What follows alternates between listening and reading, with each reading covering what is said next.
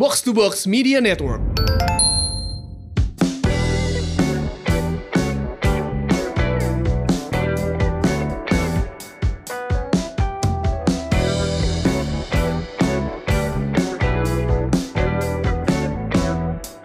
Halo Semurians, welcome back. Ini dia Podcast Semur, Sehat dan Makmur, podcast yang akan ngajak kamu untuk sehat jasmani dan makmur finansial bersama saya, FX Mario, dan tentu saja ditemani teman saya.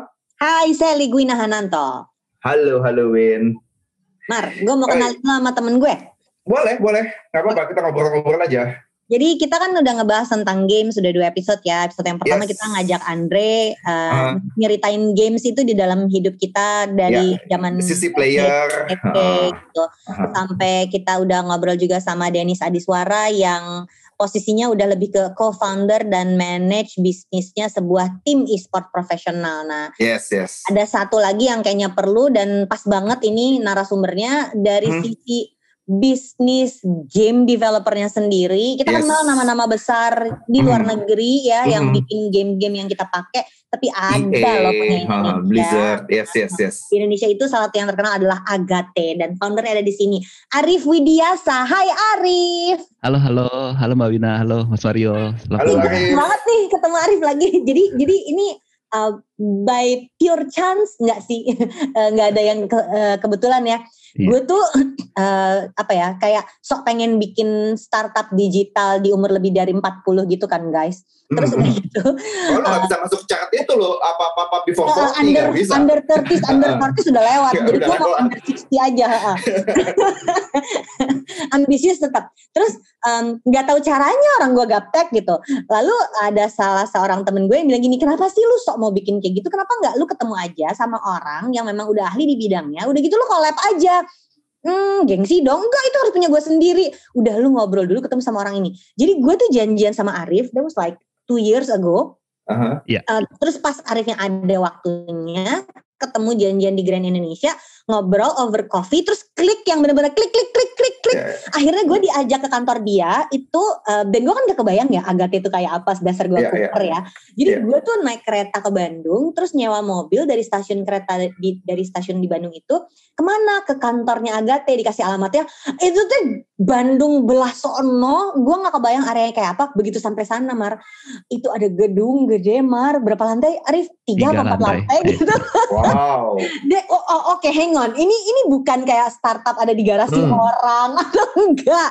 It's Atau a di co-working gitu ya? Enggak ya? company. Um, Uh-huh. Pokoknya datang ke situ tuh gue serasa kayak waktu gue berkunjung ke Silicon Valley, diajak Wow. lihat uh, ruangannya, ada games roomnya, ada meeting roomnya, Ih, seru banget. Ya, Dan ya. dari situ uh, gue jadi belajar kalau dunia game developer itu bukan sekadar bikin game yang ada di handphone lu, bisnis Iya, iya, itu iya. luas banget gitu. Iya. Rif, Rif, ceritain dulu Rif, Agate itu apa dan lu memulai itu gimana? Umur berapa lu mulai itu Rif? Aduh, aduh, thank you, thank you, thank you, thank you tadi Mbak Wina. Ya, em, salam kenal juga ya buat pendengar eh, Semur. Eh, saya Arif, saya fo- co-founder dari Agate. Agate itu sebenarnya perusahaan pembuat game. Jadi memang kayak em, saya dari kecil tuh suka main game dan memang mimpi salah satu mimpinya adalah bisa jadi pengembang game.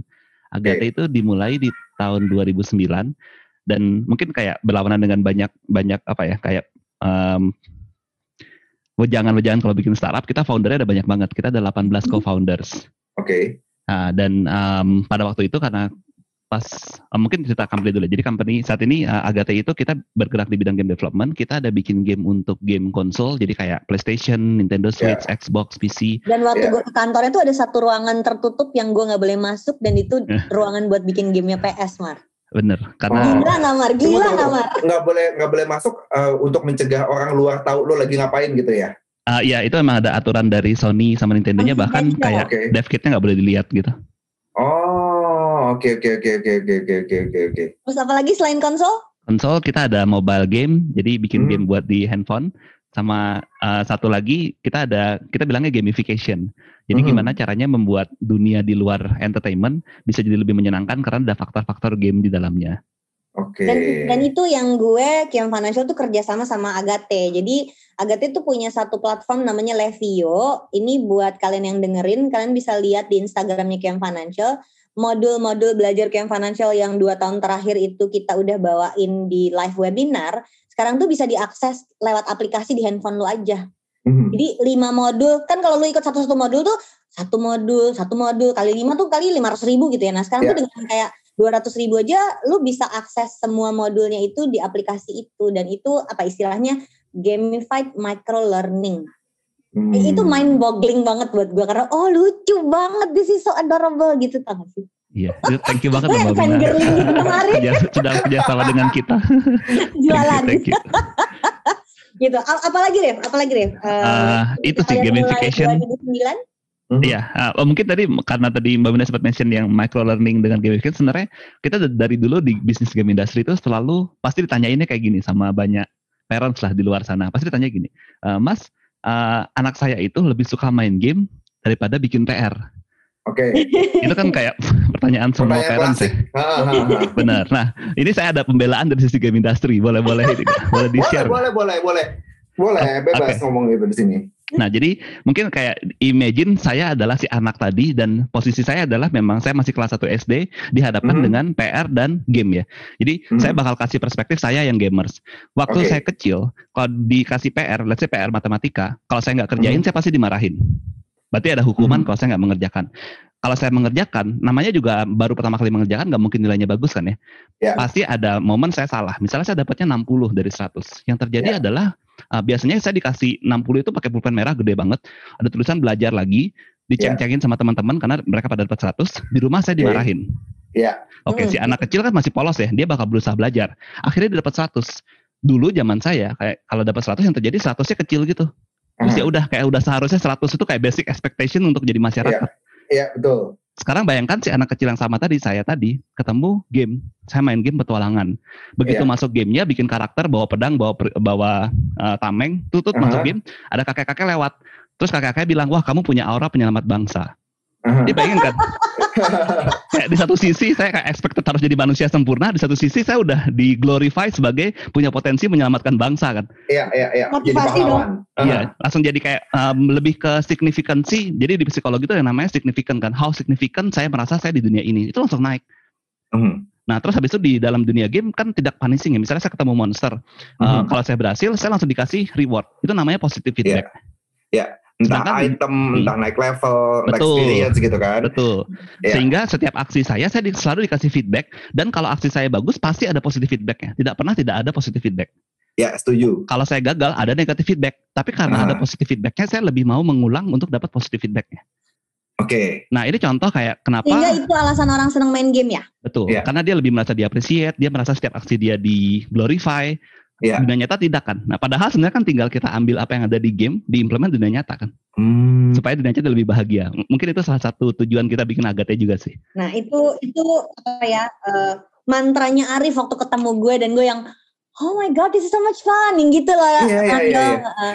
Iya, ini gue ngerasain juga. di gue ada eh, satu aplikasi fitness gitu kan, Hmm. yang kalau kalau gue bisa menyelesaikan satu workout akan ada leaderboardnya dibandingkan orang-orang lain yang melakukan workout ini juga gitu kan. Hmm. Misalnya apa ya? Misalnya, hebat.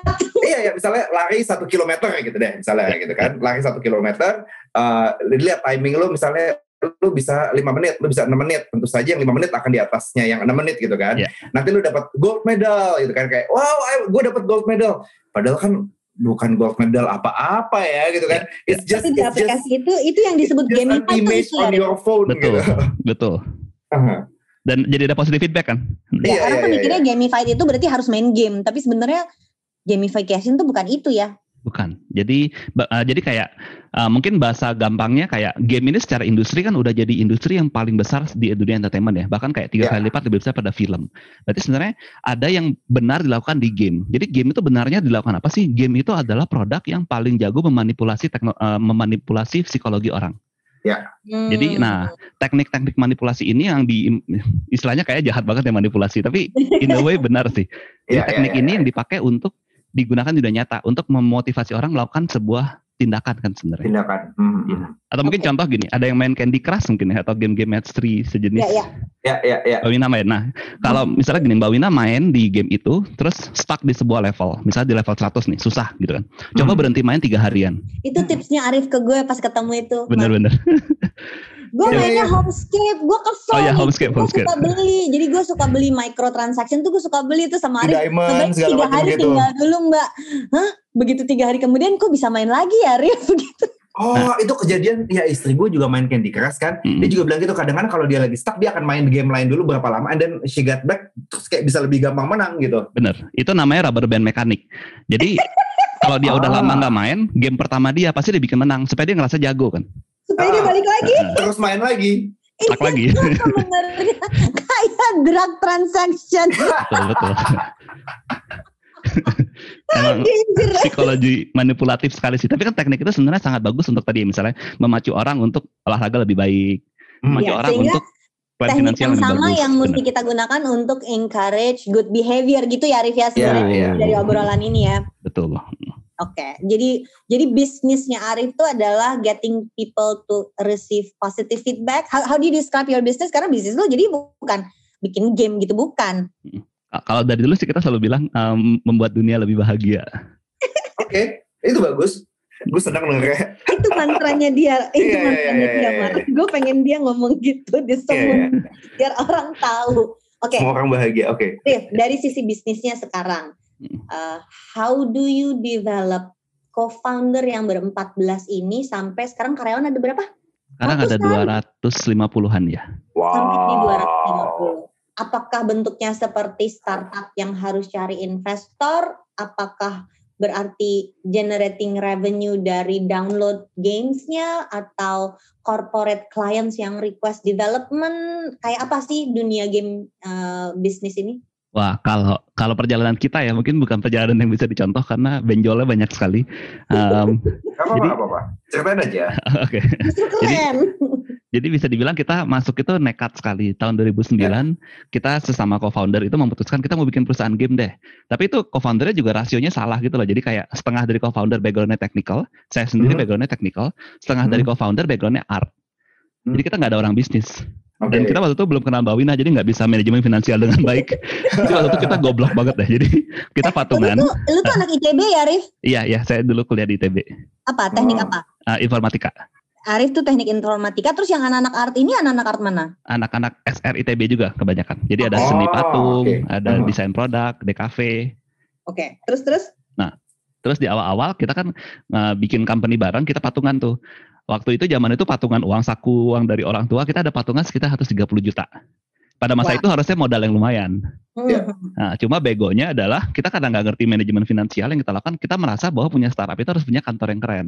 Oke. Jadi akhirnya kita keliling Bandung lah, dapat kantor rumah lah yang kita sewa lumayan bagus, harganya 80 juta per tahun. Oke. Gobloknya lagi kita nggak nego tem pembayaran, kita bayar semua di depan. Oke. kita masuk kan, "Wih, kita bersih-bersih semangat banget lah. Terus wah ini rumahnya, banget, ah. iya rumahnya itu, rumahnya kosong. benar bersih-bersih rumahnya kosong, kita kasih furniture atau meja kerja semuanya gitu kan. Hmm. Day one pas kita mulai kerja, kita baru sadar orang harus digaji. Duitnya udah mau habis.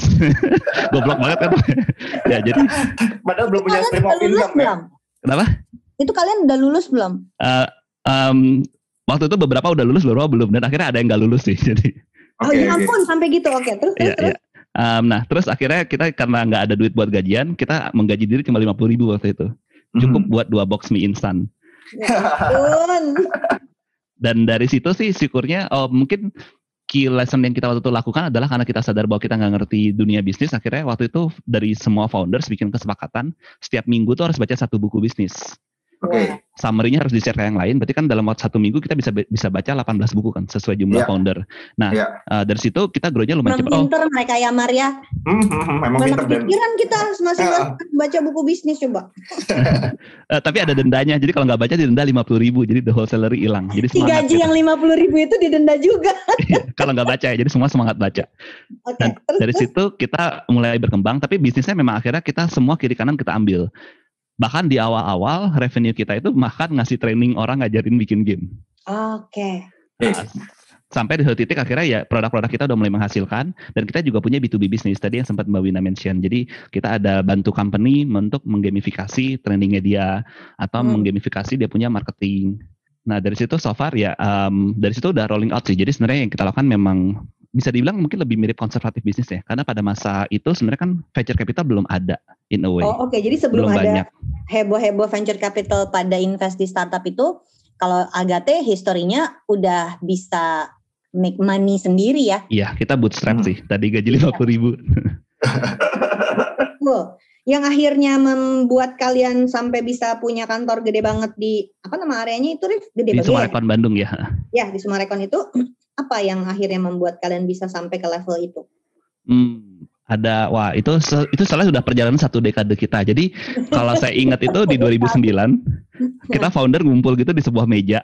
Terus Ah. biar gaya gitu kita pada bikin toast. Uh, toastnya itu pakai bekas botol air mineral disobek, diisi Fanta Ah. merah. Ceritanya Oke. wine-winean kan nggak mampu. Terus pakai Fanta merah kita toast, masing-masing memberikan kayak uh, visi satu dekade. Dari Oke. visi satu kita punya tiga visi. Yang pertama adalah um, ini dari teman saya dia bilang gini, di se- 10 tahun lagi dia ngebayangin ada seorang anak di Papua melihat layar TV-nya dan di situ ada logo Agate. Sorry, Oke. tersenyum melihat layar TV dan ada logo Agate. Ini Oke. by dua, by 2018 kita berhasil mencapainya. Kita bahkan ada game yang udah didistribusin sampai pelosok Papua dan sampai pelosok Aceh. Itu sampai ada eh, apa ya terharu banget sih dengan cerita kayak ada anak-anak nabungin celengan tiga bulan, dia pecahin celengan untuk beli game kita, terus di videoin. Itu terharu banget. Wow. Boleh tahu nggak game apa Kev? Itu game edukasi, judulnya game anak soleh dulu. Oh, oke oke oke oke. Oke, seru banget. Yang kedua waktu itu ada satu mimpi yang kan kita dari kecil itu main gamenya tuh game kon- PlayStation atau Nintendo Ya, gitu yang kita yes. konsol ya yang kita belinya di Ah. toko kan. Yes. Nah kita punya visi bahwa 10 tahun lagi um, game kita bakal ada di rak toko. Oke. Nah itu kecapean di tahun 2018 juga. Jadi kalau teman-teman misalnya ke di Indonesia sekarang udah mulai ada sih, tapi 2018 itu masih di luar negeri. Kita launch di US, di Eropa. Kalau ke UK atau ke US ke GameStop-nya dia yang lagi fenomenal akhir-akhir ini, itu ada game kita. Apa namanya? Apa Ada namanya? Valkyrian Ark. Valterian Ark. Oh, Iya. wow, gue lihat di website lo nih. Ya, ada itu. Itu terharu Itu- banget sih waktu itu. Kita Masuk saya lagi di di, Indonesia, LA. masuk di Indonesia nggak sih itu? Udah, yang di Masuk. Indonesia bahkan ada versi bahasa Indonesia bahasa Sunda. Itu game Oh. PlayStation pertama Ya yang ada adalah bahasa bagian dari. Sunda Empire, Mar. Oh ya, benar. betul, betul. Oke oke oke. Terus, oke. terus, terus. Terus yang ketiga adalah um, lebih ke misi dari um, kam- uh, dari sisi industri sih. Jadi waktu itu kan kami uh, founder Agate itu sebenarnya pengen kerja di game industry. Tapi waktu kita mau selesai kuliah di Indonesia tuh tidak ada harapan untuk bekerja di game industry. Karena Oke. mau cari lowongan juga susah kan. Nah jadi visi ketiga adalah dalam satu dekade kita pengen mem- di Indonesia itu kalau mau kerja di game pasti ada lowongan. Hmm. Nah akhirnya dalam 10 tahun ini kita berhasil mencapai jadi Agate sampai sekarang kita terus buka lowongan game development. Jadi untuk siapa pun mungkin anak anak-anak yang masih SMP, SMA yang bermimpi untuk menjadi game developer, apalagi kan industrinya naik ya. Jadi tenang ternyata di Indonesia udah ada industrinya. Jadi mungkin karena ada tiga mimpi itu dan kita berhasil mencapai tiga mimpi itu akhirnya kita bisa mencapai skala yang sekarang. Mungkin itu kali ya. Untuk eh, apa aja sih? Nah ini ini dari sisi gue di sisi finance itu kan Hmm. punya penghasilan dan tahu cara menghasilkan uang itu adalah bagian yang sangat fundamental untuk bisa mengatur uang. Karena ngatur uang kalau nggak ada duitnya nggak bisa. Betul. Dan ini kan industri yang masih baru. Waktu kalian lulus kuliah pun eh, nggak ada pekerjaan game development lokal gitu. Sekarang udah mulai ada. Eh, di perusahaan lo itu ada posisi seperti apa aja. Jadi kalau ada seorang anak SMP SMA yang gue pengen kerja di game development, kerjaannya tuh ada apa aja sih? Asih. Ini seru kan karena bukan cuman programmer dong, Oh, karena bukan cuma eh, developer. Hmm. co-foundernya Agate aja nggak semuanya orang teknikal, ada Ya, yang betul. orang Seni. art bahkan. Iya. Benar. Jadi memang industri game itu industri yang unik sih karena memang perpaduan dari berbagai apa ya berbagai keahlian. Jadi yang pertama memang tadi ada programmer yang fokusnya coding. Yang Hmm. kedua itu kita bilangnya game artist, which is memang vi- Oke. fokusnya di visual, di art. Hmm. Ini pun juga cabangnya ada banyak banget. Ada ya konsep artis, ada karakter artis, ada yang bikin illustration, ada yang bikin tiga dimensi model, ada yang bikin animasi, Hmm. ada yang uh, eh, terlalu spesifik. Uh, terus ada game designer. Nah, game designer ini yang kayak berimajinasi ide-ide gamenya seperti apa, I see. termasuk mikirin Oh. level desainnya. Terus ada juga game writer. Jadi dia yang bikin cerita, yang Bikin mendesain story, yes. dunia, benar. Ada yang ngetes nggak, Rev? Gue mau dong, Rev, kalau ngetes. Ada ada namanya game tester, Game tester. Iya. Oke. QA. Yang tentu saja itu dari sisi game development-nya ya. Padahal kan berarti kalau dari sisi bisnisnya tetap ada tuh si standar orang HR, orang marketing, orang Betul. finance, semuanya ada ya. Hmm, hmm, hmm. Jadi 200 orang itu kerjaannya itu ya, Rif. Wow. Terus oke, eh, gue mau nanya-nanya Ref. Ini kan lo lagi eh, ngerjain, eh lo pernah bikin Valtrian Arc gitu kan? Ya. Ini apa sih kayak Japanese RPG gitu ya? Gue lihat ya. Ya, jadi tesisnya sebenarnya gini sih. Um, uh, ide game itu dari salah satu game designer kita. Dia waktu itu lagi kelulusan SMA. Dia membayangkan zaman dia kelulusan SMA. Terus Hah? pertanyaan dia gini, perasaan dari para guru dan kepala sekolah ini seperti apa ya? Karena kan mereka udah mendidik kita tiga tahun ya. Pasti ada Ah. rasa senang karena akhirnya bangga karena muridnya lulus. Ada rasa sedih juga karena harus berpisah kan. Bisa? Nah. Terus dia bilang bahwa orang-orang yang bisa mengalami perasaan ini itu cuma guru. Mhm. Nah, dia pengen bikin game supaya membuat semua orang bisa merasakan experience itu. Oh, wow. Nah, jadi Valkyrian Arc ini basisnya adalah kita mau mendeliver perasaan bangga tapi bittersweetnya seorang guru. Oke oke. Ini ajaib banget. Jadi untuk membuat sebuah game aja, lu nyari dulu kayak rohnya gitu ya, Rif? Iya, iya. Betul, emosinya, emo- emosi apa yang mau lu tampilkan Iya. gitu kan ya? Itu justru resep utamanya harusnya. Karena kalau enggak nanti bikin game tuh kayak oh saya mau bikin game A gitu, udah udah ke what kan, bukan ke why. Padahal yang penting why-nya dulu. Oh, I see. Terus lu Oke. bisa bisa nembus sampai ke Nintendo, ke PlayStation.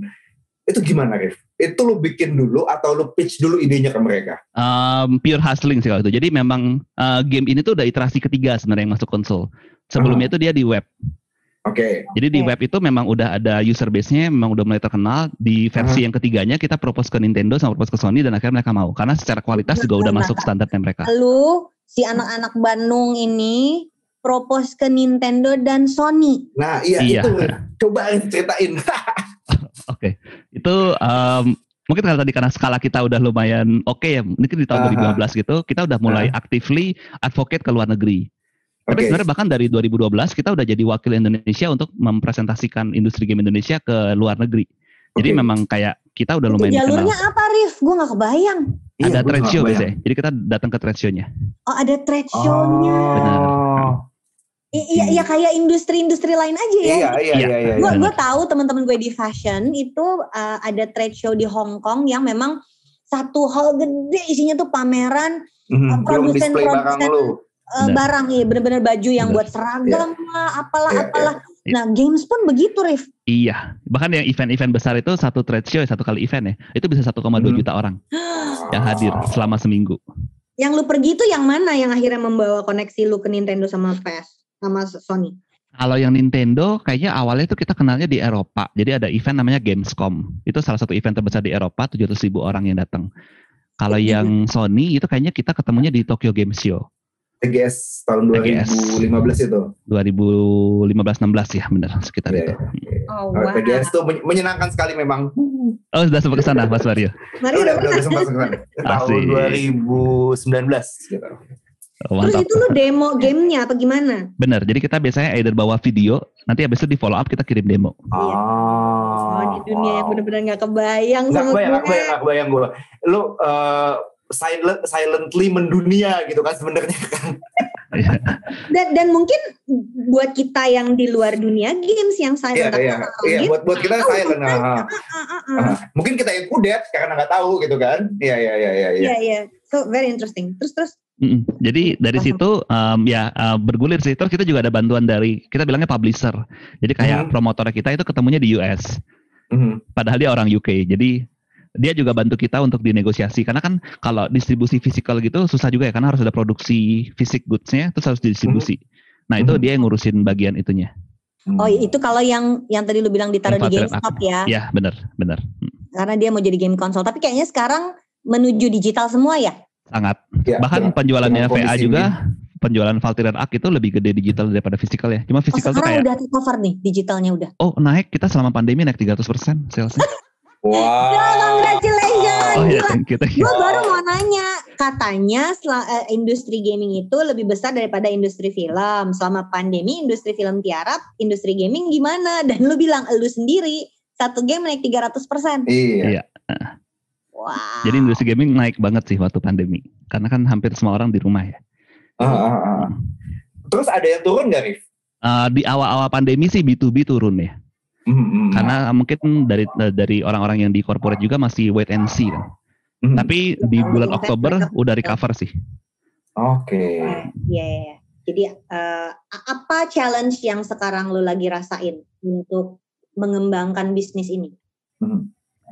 Challenge sebesar kita mungkin lebih ke capability gap kali ya. Oke, Mhm. apa tuh? Jadi mungkin ilustrasinya gini. Jadi em, kan saat ini beberapa game industri yang besar itu di Korea, di Jepang, sama Amerika tuh sama-sama besar, eh, lumayan besar lah ya. Mm-mm. Ya. Saya saya pernah eh, ketemu sama salah satu co-founder dari perusahaan game Korea yang sekarang udah besar banget, udah IPO. Dia sempat main ke Jakarta, ketemu kita, ngobrol-ngobrol-ngobrol, terus dia senang banget kan. Harusnya kita cuma meeting sejam, kita sampai meeting sampai 4-5 jam gitu. Terus by the Hmm. end of the meeting saya tanya kan, kenapa akhirnya spend waktu sama kita sebanyak ini? Terus dia bilang, Hmm. ketemu kalian tuh ngerimain saya 15 tahun yang lalu. Shit. Jadi kan langsung shock gitu kan. Oke oke, ada gap 15 tahun yang lalu. Nah Oke, terus oke, oke, oke. Jadi lu kayak berpacu sama waktu untuk ngegedein ini supaya kapasitinya mendekati mereka. ada di. Jepang dan Amerika. itu baru Korea loh. Kalau Jepang lebih shocking lagi Oh statistiknya. ini Korea yang lu Ini ketemu baru tuh Korea. Korea, nggak? benar. Kalau Jepang kali mungkin 100 tahun lebih maju dari kita. Jepang sekitar 30-an tahun.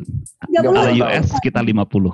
Gapnya segitu. Nah, Wow. Rif, pertanyaan terakhir Ya. untuk membesarkan game industri ini kan berarti nggak boleh sendirian ya. Lu bilang harus ada job yang tersedia di game industrinya. Berarti kan akan ada game developer game developer lain dong yang harus muncul juga di tanah air. betul. Nah untuk si anak-anak yang eh, apa Gen Alpha nih udah bukan Gen Z lagi nih di, Hmm, di hmm, bawahnya hmm. anak gue lagi nih. Em, Hmm. mereka yang in the future akan bergabung sama game industry. Apa yang mereka mesti siapin untuk bisa gabung ketika game industry nanti udah ready? Um, kuliah seperti apa atau bahkan menurut lo apakah Skill-skill kuliah apa? masih relevan? Hmm, hmm. Skill-skill apa supaya yang tadi lo bilang capacity gap itu segera terisi dan majunya tuh bareng-bareng gitu. Karena ngejar 15 tahun ke Korea itu kan jauh banget ya. Iya, iya, iya. Setuju. Oh, wah ini totally pertanyaan yang sangat challenging. Ah, mungkin Tadi saya kan coba jawab. ini uh, berpotensi apa me- mengembangkan bangsa. betul betul setuju ini it's very good question sih Um, mungkin kalau saya lihat ya sebenarnya kalau spesifik domain knowledge ya kayak misalnya um, contoh mungkin kalau misalnya kita belajar art gitu art di dalam game atau art di dalam movie itu sebenarnya istilahnya spesifik domain knowledge apalagi yang udah ditambahin sama teknologinya ini sebenarnya adalah ilmu yang sangat cepat berubah kan Hmm. Nah, jadi menurut saya yang harus dipelajari oleh eh, teman-teman generasi ke depannya ini adalah fundamental skill setnya instead of specific domain knowledge. Ya, Misalnya karena kalau yang itu bisa dipelajari lagi, dipelajari lagi dan teknologinya Betul. berubah ya, Rif. betul. Heeh. Jadi si fundamental ini yang penting itu apa sih? Yang pertama adalah capability untuk learning dengan sangat cepat. Oh oke, ini yang Yang- beda di dunia digital juga, Mar. Ketika QM pindah Ya. ke digital, benar-benar yang hari, hari, hari gitu. Jadi jadi fast Ya, ya, ya, uh, ya. pace hidupnya beda ya. Iya, Ya. benar. Hingga kemampuan belajar dengan cepat itu yang yang bikin Jadi orang penting. kedodoran. Benar. Mhm. Heeh. Jadi kemampuan Apalagi? belajar cepat, adaptasi. Yang kedua itu karena dunia ke depannya juga cepat berubah ya. Jadi kemampuan untuk bisa berpikir kritikal Mhm. itu penting. Hmm. Kayak mempertanyakan segala hal, bisa diskusi dengan semua orang.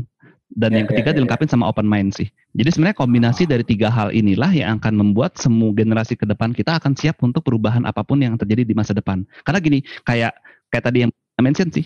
Sorry, karena kayak tadi Mbak Wina mention bahwa pekerjaan game developer mungkin 10 tahun lalu tuh di Indonesia nggak ada yang kebayangkan. Ya. Nah, jadi artinya kita mempersiapkan anak-anak kita ini untuk pekerjaan yang 10 tahun lagi kita juga nggak kebayangkan. Ya ya ya. Ya, Ya, jadi ya, harus ya, ya, fundamental ya, ya. skillnya yang kita harus siap.